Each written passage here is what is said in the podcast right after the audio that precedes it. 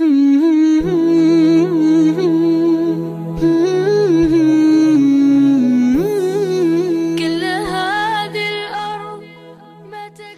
kedua, berprasangka buruk sama orang yang beriman. Mereka suka berprasangka buruk kepada orang yang beriman. Mereka jarang kemudian berprasangka yang baik, jarang memberikan ulur.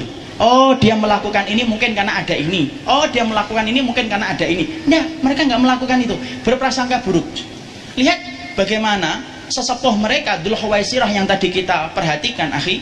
Dul Khawaisirah itu sampai kemudian apa? Tidak tanya dulu sama Nabi. Ya Nabi kenapa kamu membagi ghanimah itu lebih banyak kepada mereka?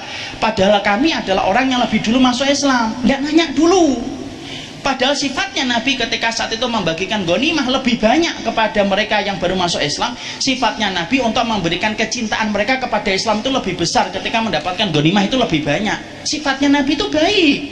Tapi lihat Dul Khawaisir langsung berkata apa? Inna hadhihi lakismatan ma'adala fiha. Ini merupakan pembagian gonimah yang sama sekali tidak adil dan pembagian gonimah yang tidak mencari wajahnya Allah. Coba ikhwan. Ya, ada seorang ustadz yang ngobrol-ngobrol dengan saya cukup lama. Ini beliau ngomong akan datang ke satu kota. Antum tahu? Datang ke satu kota ada yang kemudian gelombang itu menolak beliau. Dan di antara yang menolaknya itu ada yang kirim SMS sama dia dan mengatakan sudahlah tidak usah datang ke sini. Nggak usah numpang tenang di kota kami. Masya Allah. Antum bersihkan dulu niat antum ketika dakwah. Masya Allah. Saya bahas itu Masya Allah dek saya.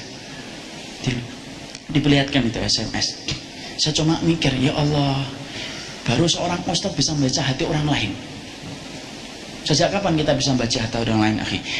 Sejak kapan kita bisa, bisa membaca niatnya orang lain? Tidak bisa lah. Tapi orang khawarij itu kayak gitu. Makanya apa? Sampai Nabi jadi korban usapan mereka. Ini tidak adil ini. Makanya akhirnya apa? Akhirnya kemudian orang khawarij itu apa? Gampang menyesatkan setiap ulama yang bukan ulamanya. Oh, tidak ada harganya. Mereka dikatakan perkataan para salaf itu. Sesungguhnya hati-hati. Sesungguhnya lohumul ulama masmum. Dah, apa? dagingnya ulama itu beracun. Tidak tidak diterima sama mereka. Kenapa? Mereka selalu berprasangka buruk kepada orang yang beriman. Yang ketiga berlebih-lebihan dalam ibadah. Berlebih-lebihan dalam ibadah itu apa? Oh jangan tanya. Kalau semangatnya dalam ibadah itu luar biasa. Yang wajib ataupun yang sunnah luar biasa makanya Nabi sampai mengatakan kalau jangan tanya bagaimana sholatnya mereka jangan tanya bagaimana puasanya mereka jangan tanya ibadahnya mereka kita tidak akan pernah mampu menandingi ibadah mereka Makanya yang membunuh Ali bin Abi Thalib itu berzikir ketika habis membunuh Ali. Coba, masya Allah.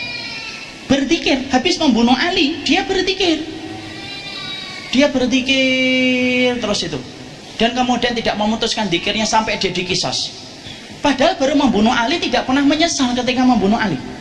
Antum lihat ya, dalam konteks yang ekstrim kayak ISIS itu habis membunuh apa yang terjadi? Mereka tersenyum, mereka membacakan ayat sama pula orang yang kemudian lebih ke, lebih rendah daripada ISIS habis menyesatkan, maka kemudian mereka tenang dan mereka membacakan dalil bahwasanya yang mereka lakukan itu benar. Makanya ibadahnya, masya Allah luar biasa. Sholat tahajudnya, puasanya luar biasa. Makanya kalau ada orang dituduh khawarij, tidak pernah sholat tahajud, tidak pernah puasa sunnah, itu bukan khawarij itu. Itu preman. Karena orang khawarij itu secara penampilan luar biasa. Bukan berarti antum setelah ini kemudian tidak mau ngamalin lo ya, ibadah lo. Kalau antum tidak baca Quran, tidak. Nanti kayak khawarij, tidak hmm, gitu. Itu kalau ada kayak gitu saya berlepas diri ya. Kalau ditanya ustadznya jangan sebut nama saya. Ya. Namanya berlebihan dalam ibadah. Makanya Nabi memberikan sifat apa? Mereka itu luar biasa dalam ibadah. Tapi ibadah mereka diiringi dengan mereka itu mengkafirkan, menyesatkan, Masya Allah. Padahal akhirnya apa? Itu menjadi pembatal amal kebaikan mereka. Antum bisa bayangkan kalau sudah disesatin ikhwan, kayak apa hukumnya di sisi Allah? Kalau memang kesesatan itu berdasarkan bukti yang terperinci, sudah ada dialognya yang kemudian terjadi, kemudian sudah terjadi kemudian perbincangan yang panjang, melibatkan para ulama besar, kemudian diputuskan itu kalau betul-betul menyimpang, mungkin masih bisa diterima.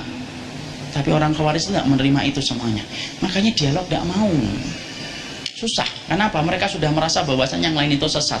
Kalau sudah merasa sesat akhirnya dialog tidak akan mereka lakukan. Kemudian yang keempat keras terhadap kaum muslimin menghalalkan darah mereka. Tadi kan saya sampaikan orang khawarij itu dikatakan oleh Nabi apa? Ya yaqtuluna ahlul Islam wa yata'una ahlul awsan Ruahul Bukhari Muslim. Makanya sampai Nabi kemudian mengatakan apa? Mereka itu kemudian menghalalkan darah kaum muslimin mereka kemudian membunuh kaum muslimin dan mereka itu membiarkan orang-orang musyrik. Makanya setiap orang dikafirkan nanti kemudian lama-lama apa? Dibunuh lalu kemudian melakukan tindakan kekerasan merasa itu merupakan bagian dari perjuangan tapi sudah dikafirkan itu juga merupakan bagian dari sifat khawarij. Atau kemudian yang kemudian sampai menyesatkan sampai kemudian akhirnya apa? Mengumbar permusuhan terus kepada orang yang beriman. Seakan-akan orang beriman itu tidak memiliki sama sekali hak untuk dicintai dan seakan-akan mencintai orang yang beriman itu aib bagi orang khawarij. Kenapa? karena kecintaan mereka itu terbangun untuk kelompok. Kemudian apa? sedikit pengetahuan mereka tentang fikih kemudian mereka muda umurnya dan berakal buruk dan berakhlak buruk. Ini salah ini.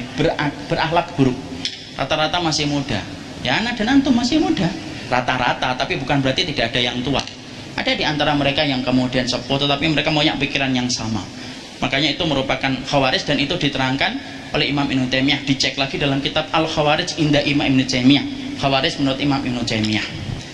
Makanya kemudian kita ini maka kalau kita kemudian menyebut khawarij sudah setengah sepuluh ini masih panjang tapi memang pembahasan ini cukup berat. Tapi tidak apa-apalah kita agak singkatkan. Antitesa khawarij itu apa? murjiah. Kenapa disebut murjiah? orang murjiah itu antitesanya orang khawarij.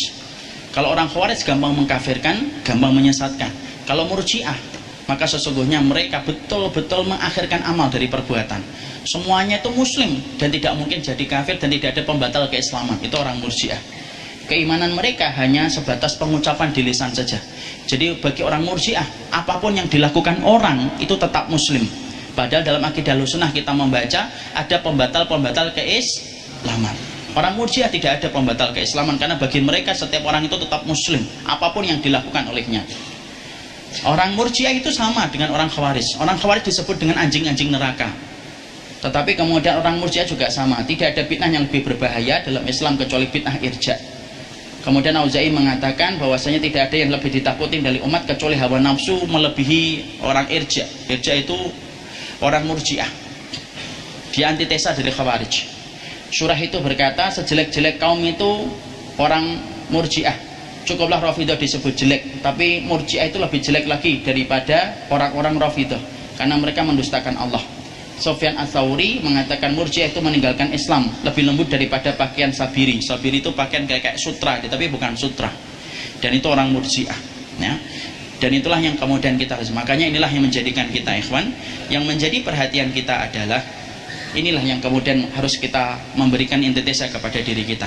Jangan suka mengkafirkan. Kalau ada di antara saudara kita yang menggunakan sesuatu yang bukan datang dari Allah bukan berarti langsung dikafirkan harus ditanya dulu. Mungkin dakwahnya belum nyampe kepada mereka. Jangan pula kita gampang untuk mengkafirkan jangan pula gampang untuk menyesatkan. Antum ngaji itu bukan berarti halal bagi antum untuk kemudian menghalalkan kehormatan saudara antum.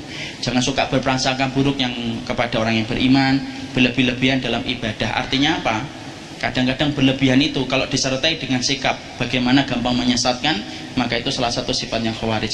Keras terhadap kaum muslimin. Orang kepada kaum muslimin itu lembut keras kepada orang kafir yang memusuhi Allah dan Rasulnya.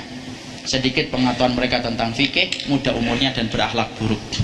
Sudah setengah sepuluh lebih ikhwan. Tapi inilah yang saya sampaikan. Setidaknya saya memberikan penggambaran kepada antum. Saya tidak nyampe menyebutkan satu persatu dalilnya karena memang saya tahu kalau menyebutkan terperinci dalil-dalilnya akan panjang betul. Dan mungkin bagi antum banyak yang justru tidak paham. Saya mencoba menyederhanakan pembahasan supaya gampang bagi antum untuk tahu dan berusaha untuk menjaga diri. Jangan suka gampang menyesatkan jangan suka kemudian kita gampang mengkafirkan Jangan suka kemudian kita berprasangka yang buruk, jangan keras sama orang yang beriman, tetapi justru diam sama orang kafir. Karena kita kalau sampai memiliki pemahaman semacam itu, rusaklah kehidupan agama kita. Barakallahu fikum. Ini yang dapat saya sampaikan karena sudah cukup panjang kajian kita. Nanti insya Allah kalau ada waktu, biarlah ada ustadz yang membahas lebih terperinci. Apa itu khawaris, apa itu murjiah. Dua-duanya itu bahaya. Dan itulah yang mampu menjadi penalu dalam Islam. Ah.